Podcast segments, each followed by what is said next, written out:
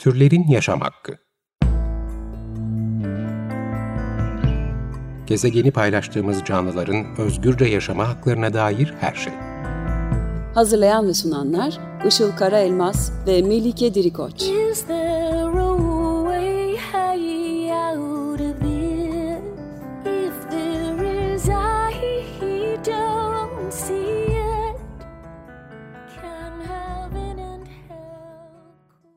Merhabalar, 95.0 Açık Radyo'da Türlerin Yaşam Hakkı programı başladı. Ben Melike Dirikoç.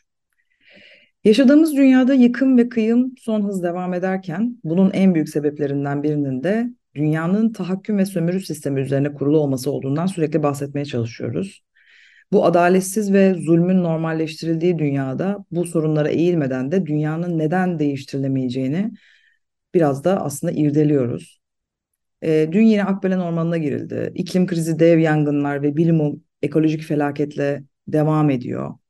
E, bu sırada bütün dünyada ne devletler ne şirketler buna kulak asmıyor ve her gün milyarlarca insan ve insan olmayan hayvan bu adaletsizlik içinde yok ediliyor. Aslında baktığımızda yaşadığımız dünyada birilerinin yaşamı kontrol ettiği kocaman bir hapishane var gibi. Ve bugünkü programda da tahakkümün başladığı nokta olan türcülüğü ve onun en görünür, net pratiklerinden olan hayvan hapishanelerini konuşacağız. Ve bu konseptlerin belki de yaşadığımız her durumla nasıl bağlantılı olduğunu biraz daha anlayabileceğiz bu sayede. Bugün bu konuda sizlerle bir yazı paylaşmak istiyorum. Aktivist Ahmet Caner Altay'ın elyazmaları.com sitesinde kaleme aldığı hayvan hapishaneleri kapatılsın yazısını bugün okuyacağım. Hayvan hapishaneleri kapatılsın. Tüm türler egemenlerin keyfi olarak kurdukları baskı, kontrol ve sömürü mekanizmaları yüzünden yaşamlarından çalınanlarla yaratılan bu distopik zulüm merkezlerine mahkum edilmiş durumdalar. Tutsaklık, kısıtlamalar, dışlanmışlık, yalnızlaştırma, karşılanmamış ihtiyaçlar yelpazesi, işkenceler ve var olduklarından ölümlerine kadar süren çoklu sömürü ağında ağır bir yaşam. Hayvanları düşmanlaştıran politik kötülüklerle beraber hali hazırda gergin olan toplumun geneline sirayet eden tahammülsüzlükle baş etmek bu dönemde hayvan özgürlükçülerini çok zorladı. Depremzede hayvanlar, hayvan hapishanelerindeki tutsaklar, barınak adlı soykırım kamplarındaki sokak hayvanları hepsi yoğun işkence altındaydılar. Ve çoğunun durumlarının takibini yapmak mümkün olamadı. Hayvan hapishaneleri kapatılsın platformu olarak tüm türler için verdiğimiz mücadelenin sürmesinde bize umut olması ve hayvanları duygudaşça anlama çabamızı anlatmak için bu gözlem yazısıyla katkı sunmak istedim. Kentler ve modern hayvan hapishanelerinin doğuşu arasında güçlü bir bağ var. 1828'de kurulan Londra Hayvanat Bahçesi de bunun dünyadaki ilk örneği. Metropol veya kent kimliklerinde hayvan hapishaneleri yönetimlerin yaratmaya çalıştıkları dize getirilmiş, evcilleştirilmiş, insana bağımlı kılınmış, vahşiliği ve kaotikliğinden eser kalmamış hayvan ve doğa manzaralarıdır. Türkiye'de de bu hayvan hapishanelerinin kuruluşunda Kemalist modernleşme ideolojisiyle beraber türcü hakim insan anlayışı ve sterilize edilmiş kentin, kentte medeni toplumun güvenlikli sosyal aktivitelerinden birini yaratma aklı vardır. Tarsus'taki hayvan hapishanesi ve Atatürk'ün Ankara'da açtığı Türkiye'nin ilk esaret merkeziyle aynı aklın vicdansızlığın ürünüdür. Biri yeni kurulan Ankara başkentinin, diğeri de bölgesel ticari merkezlerinden hinterlandı geniş bir liman kenti olan Mersin'in ve halkının sosyal gezi ve eğlence aktivitesi için mahkum edilmiş hayvanlardan oluşan esaret merkezleri. Gaziantep'te en büyük sömürü merkezi olması dolayısıyla sahibi belediye ve kurumlar için turistik büyük bir gelir kaynağı olan Gaziantep Hayvan Hapishanesi. Tabii bu yerlerin kuruluşundaki orman talanıyla da hem hayvan hem doğa sömürüsü üzerinden rant elde ediyorlar. Gaziantep'teki Burç Ormanı mesire alanına çevrilmiş durumda. Geri kalan kısmına da hayvan hapishanesi inşa edilmiş. Tarsus'ta da benzer bir durum söz konusu. Son dönemde de içerisine verdikleri ihale sonucunda Doğa Kafe adlı bir işletme açılmış oldu. Hiçbir sömürü tek boyutlu değil ve çocuklar da bu esaretin, bu zulüm merkezlerinin travmatik tanıkları olabiliyorlar. Çocuklara da bu hiyerarşik ilişkilerin bir parçası olmasını dikte ederek onları bu zulüm merkezlerine getirmek ve onca acı dolu görüntüyü izlettirmek çocuk istismarıdır. Bu hayvan hapishanelerinde çocukları hayvanların sırtlarına bindirerek hayvana tahakkümü ve eziyeti normalleştirmeye çalışan ebeveyn, öğretmen veya idarecilerle karşılaşmaktayız. Bu insanlar yaşam ihlallerinden bir haber olmakla beraber bunca ihlaller silsilesinin içerisinde örtük veya açıktan aslında çocuklara hayvanlara nasıl tabii kılınacağını ve üstü efendisi olacağını öğretiyorlar. Çocukları minyatür at adı altında olan canlıların sırtlarına bindiriliyorlar, bindiriyorlar. Esaret merkezlerindeki hayvanları görmeye gelen ziyaretçilerin fotoğraf çekmeleri, flash ışıkları patlatması, hayvanları işaret ederek bilinçli veya bilinçsiz tehdit mesajları vermeleri, bağrışmalar, kafese yemek atmalar gibi eylemlerin hepsi hayvanları psikolojik ve fiziksel olarak çok olumsuz etkilemekte ve duygusal örselenmelerine yol açmaktadır. Hayvanlar esaret altında kronik stres, artçı psikolojik şok, travmalar sonucu ileri geri yürüme, daireler çizme, aşırı kaşınma, ta ki tüyleri dökülüp yaralayacak, kendilerine yaralayacak hale gelene kadar, kendine zarar verme, dışkı yeme, kusma, kafesteki elektrik kaçağı yüzünden sürekli tetiklenme gibi anormal tekrarlayan davranışlar gösteriyorlar. Tavuk ve horoz pazarı. Hayvan hapishanelerindeki yoldaşlarımız için çıktığımız yolda tavuk pazarları gibi başka esaret merkezi ölüm kamplarıyla da karşılaştık. Tarsus'taki Kırık Kaşık tavuk, tavuk pazarı da bunlardan biriydi. Mersin merkezde de Muğdat Camii gibi kutsal mekanlarda adak olarak yine tavukların daracık kafeslerde tutulduğunu gördük. Tavuklar ve horozlar 1900'lere kadar kent merkezlerinde ve bugün de bazı kırsal yerleşimlerde hep sosyal yaşamın içindeydiler. Bugün pek çok yerde bu canlılar kafeslerde satışa çıkarılıyor, eğlence aracı veya adak olarak katlediliyorlar. Hatta tavuk pazarı gezmek sosyal aktiviteye dönüşmüş durumda. Hayvanlara zulmederek üzerlerinden para kazanan ve inandıkları dini bahane göstererek ki İslam dininde tavuk ve horoz kesmenin adak olmayacağı açıkça belirtilmesine rağmen sırf hayvan üzerindeki hakim konumunu pekiştirmek için hayvanları katleden bu toplumun sosyal özgürlükçü bilinci tanıması için bu yerlerin yasaklanması ve kapatılması gerekiyor. Hayvanları yaralı bir şekilde ölüme mahkum ettiklerinden ve kamu sağlığını tehdit ettiğinden dolayı bu kişi ve kurumların cezalandırılması gerekiyor. Ama bu ne Tevratçı göze göz dişe diş ruhuyla ne de hayvan yaşamlarını değersiz gören türcü devlet aklının göstermelik para cezasıyla olmalı. Tür eşitlikçi ve özgürlükçü bir anlayışı toplumsal dönüşümle tüm türleri kapsayan ve sonuna dek koruyan bir hayvan hakları yasası ve sokak mücadelesiyle inşa edebiliriz. Albert Memmi'nin kitabında yazdığı sömürgecilik sömürgeciyi yarattığı gibi sömürgeleştirenini de yaratır sözündeki gibi gerçekten de. Yani büyük broiler tavukları da süs tavuğu denilen türleri de diğerleri de de modern insanlar üretti. Bu genetik mühendislikte yaratılan bedenleri onlara yük oluyor, acılı bir yaşam sürüyorlar. Hayvanlar bizim kültürel kaprislerimize, hurafelerimize, sayısız stres kaynaklarımıza ve insan merkezci ilgi alanlarımıza ayak uydurmak zorunda değiller. Hayvanların serbestiyetini tanımak, rahat, özgür, güvende ve neşeli oluşlarını sağlamak için çalışmalıyız. Ve bunu sağladığımız zamanlarda da oyunbaz bir köpekçe kutlamalıyız bence. Ekofaşist türcü ölüm iktidarının vites yükselterek saldırdığı her dönemde hem türlerin özgürlüğü hem de psikososyal sağlığımız için yan yana gelişlerimizi daha dinamik bir mücadeleyi sürdürmek için arttırmalıyız. Bu hayvan hapishaneleri önünde eyleme gittiğimizde halkın tepkisi ve soruları bu sömürüye ne kadar yabancılaştıklarını ve bir yandan da biraz umursamaz olduklarını gösterdi. Türkiye'de onca işkence ve bir sürü haksızlık varken hayvanların derdine mi düştünüz lafını işittik. Ama bu tavrın her yerde böyle olduğu anlamına gelmiyor elbette. Biz bir yıl önce Doğan'ın çocukları olarak Çekmeköy Hayvan Hapishanesi'ne gittiğimizde otobüste mahallelilerden çok olumlu sözler duymuştuk. Burada ilk defa bir eylem oluyor vallahi. Her gün hayvanların bağırışlarını duyuyoruz. Geceleri acı acı bağırıyorlar adeta. Umarım kapatılır. Yazık hayvanlara gibi sözler etmişlerdi. Hayvan duyarlılığını sorgulama hadsizliğini gösterirken bir tür olarak kendimiz hayvanlara olan duyarsızlığımızla, görmezden gelişimizle, bilmiyor gibi yapışımızla ve habersizmişiz gibi davranışımızla yüzleşmeliyiz. İstisnasız her türden pek çok hayvana uygulanan işkenceden, istismarlardan ve korkunç esaret koşullarından habersizmişiz gibi davranmayı bırakarak bu şiddet döngüsünü kırmak mecburiyetindeyiz. Türkiye'de haksız yere hayatları çalınan binlerce siyasi tutsağın, gazetecilerin, emekçilerin, LGBTİ artıların arzuladığı özgürlük neyse hayvanların da arzuladığı özgürlük bundan çok farksız değil. Verdiğimiz özgürlük mücadelesinin eşit paydaşlarıdır hayvanlarda. İnsan tutsaklarla kurduğumuz duygudaşlığı, yoldaşlığı ve dayanışmayı tüm esaret altındaki türlerle de göstermeliyiz. Çünkü dayanışmamızın bir sınırı yok. Baskının ve korku salmanın bir dozu var ve her iktidar bunu kademeli kullanabiliyor.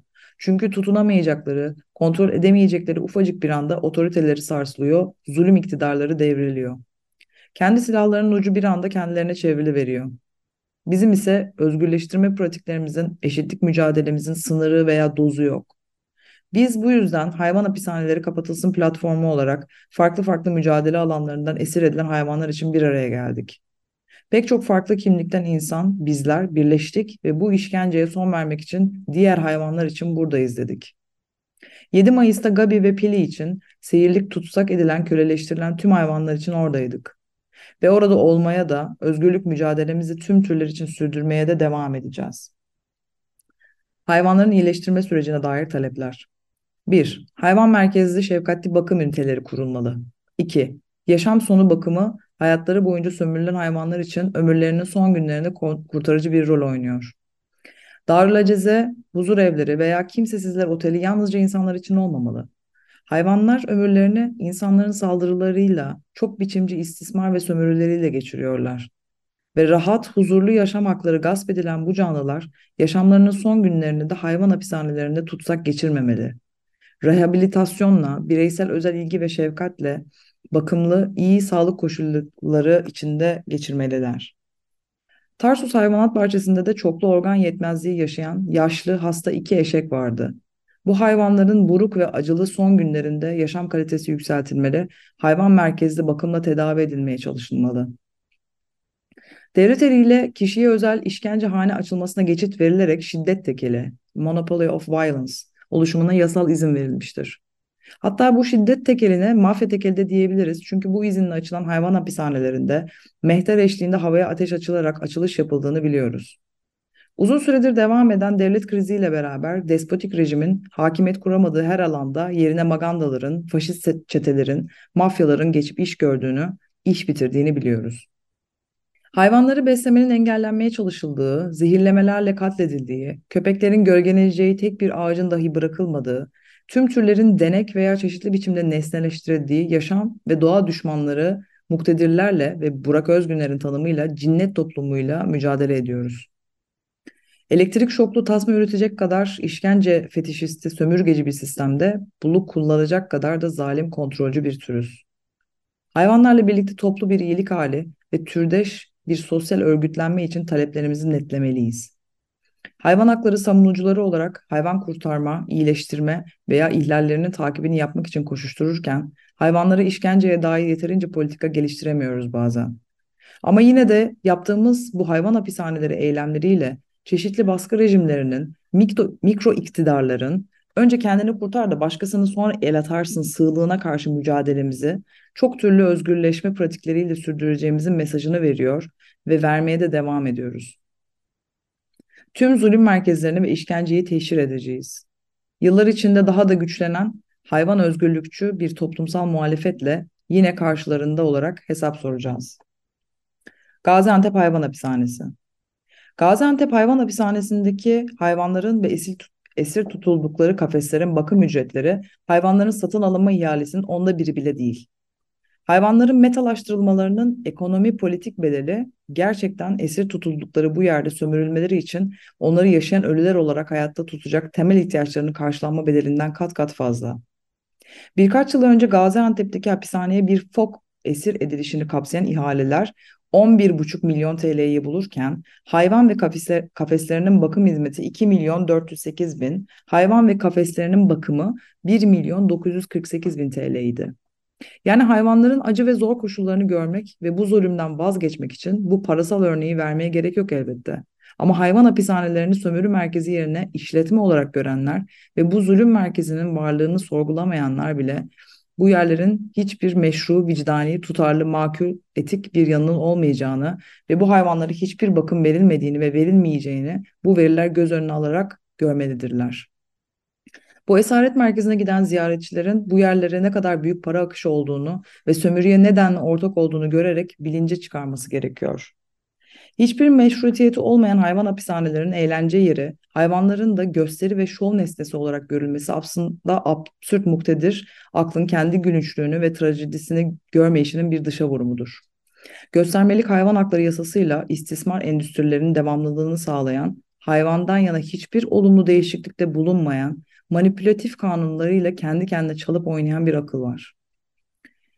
Tarsus Hayvan Hapishanesi Tarsus Hayvan Hapishanesi'ndeki hayvanların çoğu doğa koruma ve milli parklardan gelmişlerdi. Tabii hepsinin geliş öyküsü ve nedeni farklıydı. Pelikanlar ve çoğu kuş türü avcılık nedeniyle yaralı halde veya sonradan ampute edilerek gelmişler. Bir kısmı tele çarparak yaralanıp esir düşmüştü. Şahinler de yine tele takılıp buraya gelmişlerdi. Tarsus'ta köylerden sürekli yaşlı eşek geldiği oluyormuş buraya. Köylüler bu hayvanları yıllarca sömürüyor ve işini göremeyecek duruma geldiğinde yani hastalandığında veya yaşlandığında, sakatlığında da buraya veya bir dağ başına terk ediyorlarmış. Atlar da yine benzer kaderi paylaşıyorlar. Yaşlı veya hasta yarış atları buraya yollanıyor. Tabii çok küçük bir kısmı buralara gelene kadar öldürülüyor ya da cesetleri satılıyor. Esaret altındaki hayvanların olumsuz koşullarından dolayı yaşanan kaygı, stres, üzüntü ve acı duygusal bulaştırmayla her birine yayılıyor. Her bir canlının içine çepeçevre saran bu duygular zaman geçtikçe katlanılmaz bir işkence boyutuyla zihinsel fonksiyonlarını da etkiliyor. Bunların bir kısmına daire çizen çakalı, başı eğik bir biçimde ileri geri kafeste yürüyüp duran kurtları gözlemleyerek doğrudan şahit olabiliyoruz. Hayvanlar nasıl düşünür, insan ne görür? Kitabında da tutsak kurtların karşılıklı davranış mekanizmasına ve çatışmalarına dair gözlemler bulunuyor. Esaret altındaki 9 kurttan oluşan bir sürüyü, 5 erkek 4 dişi, 633 saatin üzerinde bir süreyle gözlemleyen Pisa Üniversitesi'nden Giada Cordoni ve Elisabetta Palagi her 11 dakikada bir 3344 çatışma kaydederler. Çatışmalar esaret koşulları altında hararetlenmiş olsa da etkili bir uzlaşı mekanizması olmaksızın sürüdeki her biri için hayati önemi olan bir uyumun sürmesi için gerekli olmaktadır. Dünyanın her yerinde, tarihin her döneminde ve bugün de bu canlılar hep yeryüzündeki ötekiler konumunda olarak var olma mücadelesi veriyorlar. Bu coğrafyada türcülük sorgulanmadığı gibi hayvan esareti de görünmezleştiriliyor ve görmezden geliniyor. Konyaaltı Belediyesi Antalya Hayvan Hapishanesi'nde uygulamalı hayvan kurtarma eğitimi yapılıyor örneğin. Ceylanpınar'da bölge hakkının köylülerin koyunları köy sınırından geçti diye TİGEM tarafından gözaltına alındığını biliyoruz. Hayvan ve canlıların yaşam alanları kimsesiz toprak değildir. Dolayısıyla istila ve ilhaka açık değildir. Habitatları vahşi yaşam alt geçitleri gibi yaratıcı yöntemlerle birlikte yaşama açılabilir ancak. Hayvanlar ve doğayla efendi kültürünü terk edip sürdürülebilir ilişkiler kurarak biyosfere bağımlılık esasıyla bir yaşam kurabiliriz. Fare, maymun gibi bazı empati yönü kuvvetli türler türdeşleriyle dayanışma içerisine girebiliyor, yardımlaşarak yer yer destek sunabiliyorlar birbirlerine. Deney laboratuvarındaki farelerin diğer fareler için çabalaması, bantta asılı kalan yurttaşlarını, yoldaşlarını kurtarması bunlara örnek. Hatta kurtlar da dahil bazı hayvanlar birbirlerini teselli edebiliyorlar. Esaret altındaki bu türlerin bazıları çok sosyal canlılar. Ve onların grup halinde değil de yalnız kalmaları ayrı bir işkence yöntemi. Veganizmin ve hayvan özgürlüğü hareketinin fazla yayılamadığını görsek de empati kuran, insan türüne nazaran bu ağır koşullarda dahi sürekli dayanışma gösteren bu canlıların bize umut olmasını diliyorum. Ve yaşam mücadeleleri umarım birçok insan tarafından da daha fazla empati ve dayanışmayla ve yoldaşlaşmayla destek bulur. Ahlaki pusulamız sonuna dek türlerin özgürlüğü ve eşitliğidir. Dayanışmayla, mücadeleyle hayvanların özgür olduğu bir gezegene. Tarsus hapishanesinden fotoğraflarla, rahatsızlıklarla bitiriyorum. Evet, bu yazıyı elyazmaları.com sitesinde bulabilirsiniz. Fotoğrafları da e, orada paylaşılmış durumda. Dileyenler yine e, okuyabilirler. Süremizin yavaş yavaş sonuna geldik. 95.0 Açık Radyo'da Türlerin Yaşam Hakkını dinlediniz. Bugün aktivist Ahmet Caner Altay'ın elyazmaları.com sitesinde kaleme aldığı hayvan hapishaneleri kapatılsın başlıklı yazısını paylaştım sizlerle. Bir sonraki bölümde görüşmek üzere. Kendinize iyi bakın. Hoşçakalın.